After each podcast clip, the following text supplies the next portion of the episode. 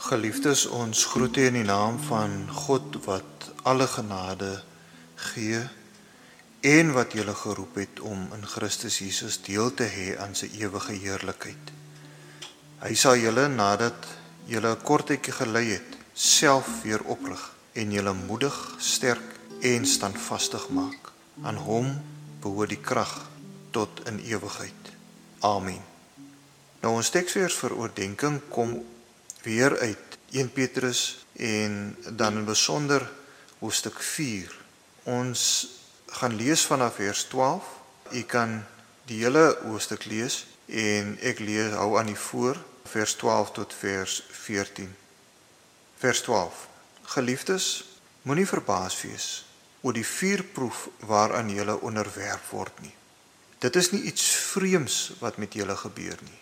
Wees liewer bly hoe meer julle in die lyding van Christus deel, want dan sal julle ook oorloop van vreugde by sy wederkoms in heerlikheid. Geseënd is julle wanneer julle beledig word ter wille van die naam van Christus. Dit is 'n bewys dat die Gees aan wie die heerlikheid behoort, die Gees van God op julle bly. Nou die afgelope tyd voor lockdown het ek begin om te lees uit die boek van Ryan Holiday met die interessante titel The Obstacle is the Way. Nou Holiday sê in 'n netedop, jy kan nie groei sonder hindernisse nie, sonder wat hy mos nou in Engels noem obstacles nie. In 'n sekere sin sê hy ons almal gaan soms deur donker dieptes. Soms kom dit deur ons eie keuses, maar ander tye dan kom dit onbeplan, onverdiend selfs. Ryan Holiday, hy sê as jy wil groei en jou Godgegewe potensiaal bereik, jou Godgegewe roeping najag, dan sal jy soms hindernisse op jou pad kry. En dan, soos die Engelse sê, sê hy we must embrace it. Dit is dan ook Petrus se boodskap aan die gelowiges, soos ons nou al reeds die afgelope paar weke gesê het wat verstrooiing is gelowiges wat as gevolg van hulle keuse vir Christus gelei het.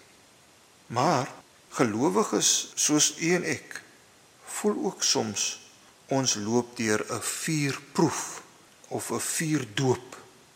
En ek dink as 'n mens kyk nou die situasie waarin verpleegsters en en dokters hulle self bevind in in hierdie week wat kom selfs ook selfs onderwysers mense wat in professies staan waar ons daagliks gekonfronteer word met COVID-19, dan voel dit soms soos 'n vuurproef, soos ons hier lees in vers 12. Dit voel soos 'n vuurproef om bloot te doen wat my roeping van my verg. En op 'n dieper vlak vir ons as gelowiges wat my Christelike geloof van my verg, met ander woorde om myself te gee vir mense en tot diens van Christus mense se lewens te verander en vir mense 'n beter lewensmoontlikheid te skep. U voel ook miskien so. Miskien voel u my keuse om vir Christus te volg, om ja te sê vir sy roeping op my lewe, plaas my soms in hierdie vuurproef. Die boodskap vanoggend en die boodskap van Petrus is duidelik dat wanneer ons in daardie vuurproef is en daardeur daardie vuur doop gaan is dit so dat God baie keer nie daardie lyding wegvat nie. Dit is eerder sê Petrus juis die pad van geloof wat ons moet loop. Dit word juis die pad van Christelike groei. Want jy sien broers en susters ons weet mos daar is verskillende forme en tipes van pyn in hierdie wêreld. Ons kan sê daar is verskillende tipes van vuurproewe in hierdie wêreld. Petrus wil sê hierdie pyn wat beleef word is nie doodspyne nie. Hy wil sê dit is nie God se straf vir julle nie. Petrus gebruik hier 'n baie interessante metafoor wat Johannes eintlik gebruik in Johannes hoofstuk 16 vers 20 tot 22 waar hy sê nee, dit is eerder geboortepyne. Dit is rede tot vreugde. Nou die Christelike gemeente waar ons versprei in die wêreld anders leef en anders dien is die tekens van die nuwe.